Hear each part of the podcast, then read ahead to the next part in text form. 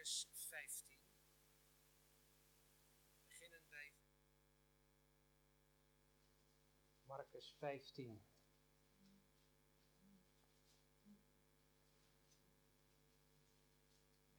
En zij dwongen een voorbijganger, Simon van Cyrenen, die van de akker kwam, de vader van Alexander en Rufus, dat hij zijn kruis droeg. En zij brachten hem naar de plaats Golgotha, dat is vertaald schedelplaats. En zij gaven hem met mirre gemengde wijn te drinken, maar hij nam die niet. En toen ze hem gekruisigd hadden, verdeelden zij zijn kleren door het lot te werpen, bepaalden zij wat ieder ervan nemen zou. En het was het derde uur, en zij kruisigden hem. En het opschrift met zijn beschuldiging was boven hem geschreven, de koning van de Joden. En zij kruisten hem met twee misdadigers, één aan zijn rechter en één aan zijn linkerzijde. En het schriftwoord is in vervulling gegaan dat zegt, en hij is onder de misdadigers gerekend. En de voorbijgangers lasten hem en schudden hun hoofd en zeiden, ha, u die de tempel afbreekt en in drie dagen opbouwt, verlos uzelf en kom van het kruis af. En evenzo spotten ook de overpriesters samen met de schriftgeleerden onder elkaar en zeiden, Ander heeft hij verlost, zichzelf kan hij niet verlossen. Laat de Christus, de koning van Israël, nu van het kruis afkomen, opdat wij het zien en gaan geloven. Ook zij die met hem gekruisigd waren, smaden hem. En toen het zesde uur gekomen was, kwam er duisternis over heel de aarde, tot het negende uur toe. En op het negende uur riep Jezus met luide stem, Eloi, Eloi, lama sabachthani, dat is vertaald, mijn God, mijn God, waarom hebt u mij verlaten? En sommigen van hen die daarbij stonden dit hoorden, zeiden, Sia roept Elia. En hij stelde iemand toe, vulde een spons met zure wijn, stak die op een riestok en gaf hem te drinken. En hij zei, houd op, laten wij zien of Elia komt, om hem eraf te nemen. En roepend met luide stem gaf Jezus de geest. En het voorhangsel van de tempel scheurde in tweeën, van boven tot beneden. Dan ga ik nog één tekst met u lezen aan uit de brief van Paulus aan de Galaten. Galaten hoofdstuk 3.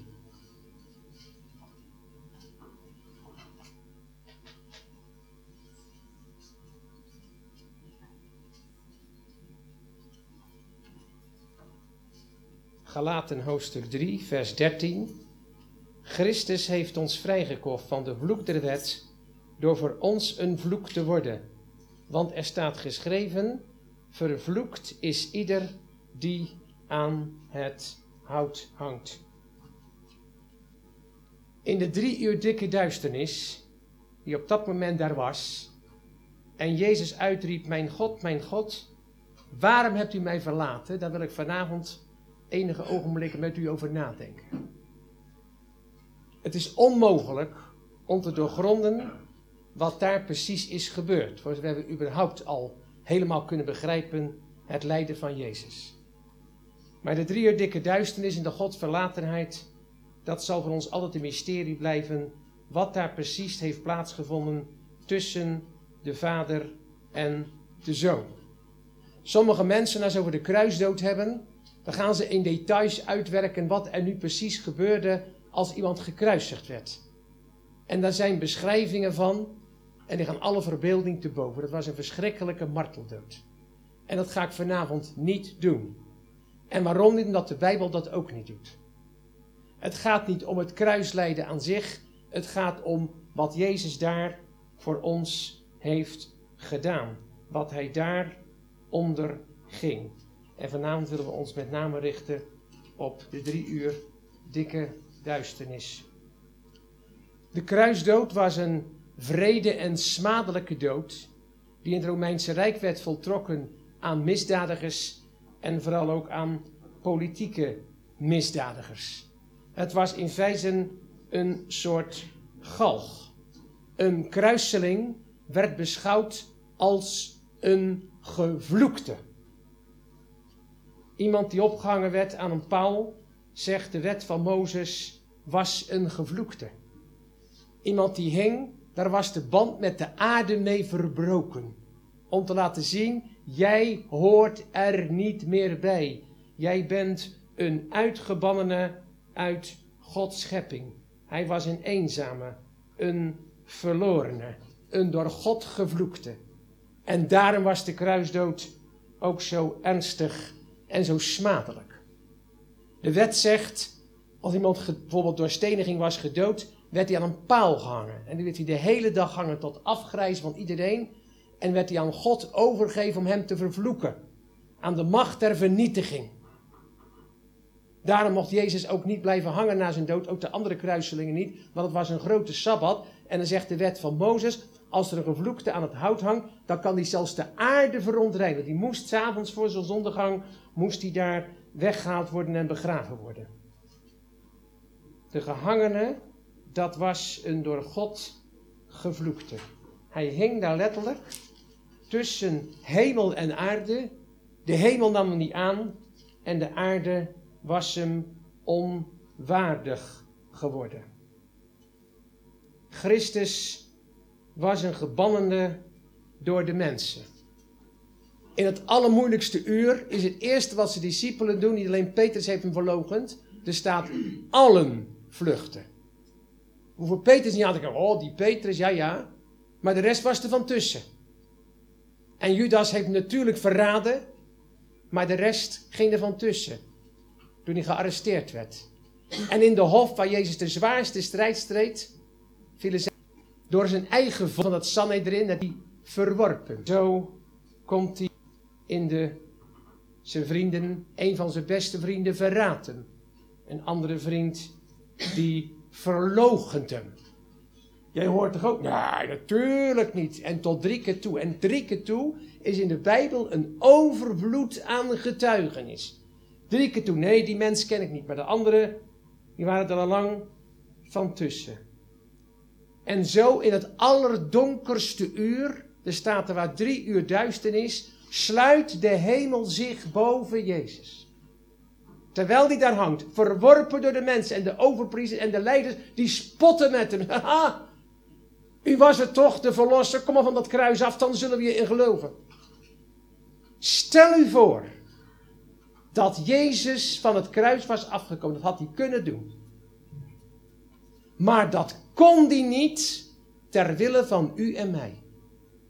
Als Jezus het kruis was losgelaten, waren wij verloren geweest. En uit liefde voor de wereld, en uit liefde voor de Vader om diens wil te volbrengen, en ons van de vloek te bevrijden, is hij aan het kruis gebleven. Maar hij had er af kunnen. Hij had zo legioenen engelen ter beschikking gehad. Maar dat kon hij niet, omdat hij ons lief had. En hij werd bespot door het volk. En werd bespot door de priesters. En werd bespot door de leiders. Zelfs die twee andere misdaden die ook die spotten ook al met hem. Ook zij deden mee. En dan wordt het stikken donker. En Jezus hangt daar tussen hemel en aarde. Getergd, gegezeld, geslagen, gesmaad, bespot. En de hemel zwijgt. Het is donker. Er komt geen enkel teken van boven, terwijl Israëls koning wordt gekruisigd. En Jezus haalt daar een psalm aan, de bekende psalm van David, psalm 22. Mijn God, mijn God, waarom heeft u mij verlaten? Verre zijnde van mijn verlossing, verre zijnde van mijn jammerklacht. Het is een psalm van David. En Jezus kende de schriften natuurlijk en hij herkent zichzelf daarin. Heeft u dat ook wel eens, dat u zichzelf herkent in de schriften? Ik vind dat de psalmen zo mooi. Als je het eens heel erg moeilijk hebt, u heeft dat natuurlijk nooit, maar ik heb dat nog wel eens een enkele keer. En dan herken ik mezelf in de psalmen waar mensen ook heel diep zitten en tot God roepen en dat ook wel eens niet meer weten. Maar de hemel zwijgt bij het lijden van de rechtvaardige. Jezus is voor ons een vloek geworden. Toen de mens zondigde, haalt hij de vloek van God over zich, de vloek van de toren van God over zich. En dat is een macht ter vernietiging, een macht tot ondergang. Het is een soort granaat die naar iemand toe werpt, waardoor die totaal wordt vernietigd. Zo heeft die mens die vloek over zich gehaald. Een vloek die ter vernietiging voert. Eigenlijk hadden wij daar moeten staan. Want wij hadden die vloek verdiend. Maar Christus gaat daar staan waar de klappen vallen. Christus gaat staan waar de vloek van God hem treft. Daar op Golgotha. Ik heb het eens zo uit horen leggen. Die zei, Jezus waren naar de Vader gaan zeggen, Vader ziet u al die zonden en al die ellende en al die afdalingen en al die rebellie. Dat is mijn schuld, Vader, dat is mijn schuld. Het heeft God de Vader al die toren van alle mensen en van alle eeuwen uitgestort op zijn zoon. En zo heeft God op Golgotha de vloek gedragen in onze plaats. Hij is geworden wat wij waren. Een gevloekt. Hij neemt dat gevloekt zijn van ons over. Hij is onder misdadigers gerekend, zegt de schrift. Daarom is hij tussen twee misdadigers gekruisigd. En een misdadiger was een gevloekte, die had de wet van God overtreden. Maar dat hebben we allemaal. En daar is hij onder, onder gerekend. Hij is volkomen solidair geworden met ons, zonder zonde gedaan te hebben. Een gevloekte werd buiten de gemeenschap gestoten. Die hoorde er niet meer bij. De band met de gemeenschap werd doorgesneden. En niet alleen met de gemeenschap, ook de band met God. En dat maakte het kruis zo erg. Je hing daar als een gevloekte, een gebannende, een eenzame, een verlorene. Worpen. Neemt hem niet aan. En tijd zijn benauwdheid. Mijn God, mijn God. Terwijl het onderwerp is van spot.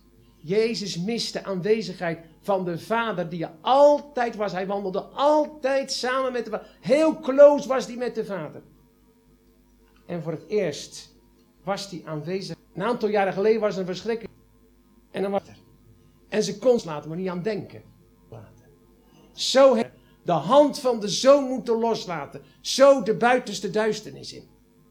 Vader stond erbij toen zijn zoon en hij doorheen moest. De hand, zijn oog vindt God, vindt zijn hand. Denk maar zo dat daar is. Als je die tekst Jezus door de God verlatenheid gaat, dan kijken we in een pijloze, aflovige praat dat Jezus zich verstoort. Duizenden mensen de marteldood van per gevangenissen voor hun, of voor een godsdienst of voor wat dan dingen aangedaan. Dat is toch, nee, daar gaat het hier niet om. De diepste dimensie van God onrecht is, is aangedaan dat Jezus wil van de van Gods diepste eenzaamheid, van de Godverlatenheid voor ons heeft gedragen. Dat is de diepe dimensie van Golgotha. Niet alleen dat hij vreselijk geleden heeft lichamelijk, maar waar hij doorheen is door de diepste eenzaamheid en de diepste verlatenheid die ooit heeft bestaan. Zonde is de band met God doorsnijden. Zonde, dat is alle communicatie met God verbreken. Dat is geen communicatiestoornis, dat is een moedwillige communicatiebreuk. Als twee mensen ruzie hebben, dan zeggen ze: Tegen jou praat ik niet meer. God en mens, daar was een breuk ingekomen. En God wilde die mens terug. En Jezus offert zich op door degene te zijn die de communicatie met de Vader weer herstelt. Jeremia zegt, de zonde is dat de mensen mij hebben verlaten. En indien Jezus daar niet als verlatene gehangen zou hebben, dan waren wij voor eeuwig voor Gods aangezicht verbannen. Want wij hadden de band doorgesneden. Maar Jezus draagt die straf van iemand die de band met God doorsnijdt. En dat Hij dat heeft gedaan, worden wij niet voor eeuwig verstoten. Maar als Jezus dit niet had gedaan, hadden wij voor eeuwig van God verstoten geworden. Voor eeuwig de buitenste duisternis in. Niet voor drie uur, maar voor eeuwig. We waren voor eeuwig van God verstoten geworden. Maar Hij heeft dat voor ons gedragen, opdat wij nooit meer door God verlaten zouden worden. De Romeinenbrief zegt dat niets kan ons scheiden van de liefde van Christus. Dat is de verdienste van Christus. Omdat hij zich liet scheiden van de liefde van de Vader. En door de hel van de godsverlatenheid ging. Door de hel van de kruisdood ging. Heb ik de belofte. Dat God mij nooit zal verlaten. Wij hebben God moedwillig verlaten. Wij hebben God moedwillig de rug toegekeerd. We hebben hem verlaten. En we hadden de eeuwige duisternis verdiend. Maar hij kwam op hem. En zo is hij voor ons door de Godverlatenheid gegaan. Opdat voor ons de belofte zou zijn. Ik zal u niet begeven en ik zal u niet verlaten. Die belofte staat heel vaak in de Bijbel, in het Oude en Nieuwe Testament. Ik zal met u zijn. Emmanuel, God met ons. Tegen Jozua zegt hij, ik zal je niet begeven, je niet verlaten. Als Mozes daar staat met knikken knieën, zegt Mozes, ik ga met je mee. En als de discipelen daar staan zeggen, wie zijn wij om in de wereld het woord te gaan brengen? Wie zijn wij? Dan zegt hij, maar ik ga met je tot aan de voleinding. Die discipelen, die hem in de allerdiepste strijd in de steek hadden gelaten. Ik had gezegd, nou je kent me wat, jullie waren er ook niet, maar zo is de Heer niet. Hij zegt, ik ben met jullie. Omdat hij voor ons door de Godverlatenheid is gegaan. In ons alle leven kunnen er momenten zijn waarin je het zo benauwd hebt, dat je het idee hebt dat iedereen je hebt verlaten. De mensen begrijpen je niet en het lijkt alsof de hemel van koper is. Alsof dat God niet luistert. Of God heeft verlaten. Allemaal komt er een keer in ons leven zo'n moment dat het lijkt wel of, of, of onze gebeden niet verder komen als plafond, of God ons niet hoort, of God ons niet ziet, of God niet, niet meeleeft met onze problemen, ons verdriet niet kent, onze gebeden niet hoort, of de mensen omheen ons niet begrijpen. We kunnen allemaal in zo'n uur terechtkomen. David heeft het ook meegemaakt. Christus herkende zich daarin. En hij roept uit, mijn God, waar hebt u mij verlaten? Maar er is eerst nog iets anders gebeurd. Op een dag is die mens van God weggelopen in het paradijs. De zondeval. En God heeft die mens geroepen. En als het ware geroepen, mens, waarom heb je mij verlaten? Want eerst is die mens bij God weggelopen. Wij zijn de oorzaak van de breuk. En dan is daar geen antwoord van de mens. Christus geeft het antwoord. Hij betaalt voor onze zonde. Dat is het antwoord wat Christus geeft van on, op de zonde van de mens. Dat is het antwoord dat Christus geeft op het feit dat de mens is weggelopen. Mijn God, waarom? Het feit dat wij zijn weggelopen, daar zal Christus volboeten. Hij zal het volkomen volbrengen. Dat is zijn antwoord op ons verleden en op onze schuld, zodat zijn genade komt op alle mensen. Hij roept God, waarom? Wij hebben ook heel veel waaroms in ons leven. Allemaal komt een tijd dat een periode je zegt, ik heb zoveel ellende en zoveel verdriet en zoveel moeilijkheden. Waarom God, waarom laat u dit toe? Waarom doet u dit en waarom doet u dat? Waarom gaat u die weg met mij die ik niet kan gaan, niet wil gaan? Waarom niet? En soms begrijpen wij het niet. Jezus klaagt Hij uit zijn klacht naar God. Hij begreep het ook niet. Heren, waarom? En dan zegt de Hebreeënbrief, we kunnen het wel even opzoeken, Hebreeën 2, vers 17.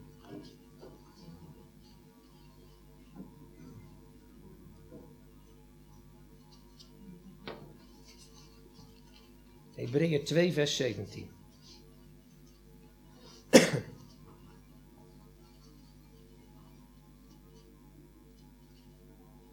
Daarom moest hij in alles aan zijn broeders gelijk worden en aan de zusters. Armhartig en een getrouw hoge priester zou zijn in de dingen die God betreffen, om de zonden van het volk te verzoenen, want waarin hij zelf geleden heeft, toen hij verzocht werd, kan hij hem die verzocht worden te hulp komen. Hij is door dezelfde diepte gegaan als wij. Hij heeft angst gekend en hij heeft eenzaamheid gekend en hij heeft strijd gekend en hij heeft moeilijkheden gekend en hij heeft de waarom-vraag gekend. En hij gaat ermee tot God. Daarom kan hij onze moeilijkheden en ons verdriet en onze strijd en onze eenzaamheid alles zo heel goed begrijpen, omdat hij er zelf doorheen is gegaan. Hij is zelf door de zwartste, zwartste, zwartste nacht gegaan die er mogelijk was. Veel dieper en veel verder als wij ooit zullen hoeven en mogen en kunnen gaan. Dat was zijn weg en daarom kan hij ons zo goed te hulp komen. Waarom dit en waarom dat, daar is het leven vol van. En soms begrijpen wij het niet. Christus openbaart ons dat hij het ook niet altijd heeft gegrepen. Maar hij is niet afgehaakt. Hij heeft God geen verwaardigd. gezegd. Hij blijft zeggen, mijn God. De Filippenzenbrief zegt, hij is getrouw geweest tot in de dood. Tot in de dood des kruises heeft hij God vastgehouden. Dwars door alle waaroms heen. Dwars door de eenzaamheid. Dwars door de inktzwarte Godverlatenheid heen. Is die op de Vader blijven vertrouwen. En getrouw geweest tot de dood. Ja, tot de dood des kruises. De verbreking van de band met God, dat is de zonde. En Gods oordeel over de mens die de band met God verbreekt, is dat hij ook de band doorsnijdt. En dan is Jezus Christus gaat op die plaats staan. En laat zich verbannen. Laat zich door de Godverlatenheid gaan. In onze plaats. Laat zich voor ons een vloek worden. En laat de toren van God over zich heen komen. Hij doorlijdt aan het kruis als het ware de excommunicatie. Hij werd buiten de stad geleid en daar werden misdadigers gekruisigd. Hij is uit de gemeenschap en uit de gemeenschap van God en mensen gestoten. Alle wegen waren afgesloten tot God. En dan dat hij hier doorheen ging, door de buitenste duisternis, door de verschrikkelijke eenzaamheid, door de Godverlatenheid, heeft hij de weg voor ons naar God weer geopend. Heeft hij de communicatie weer geopend. Kwam het weer goed tussen de mens en tussen God. Hij heeft de communicatie voor eeuwig hersteld. Wij mogen delen in zijn volbrachte werk. En wij mogen leven in overvloed. Sinds hij heeft gezegd dat is volbracht, mogen wij leven in overvloed.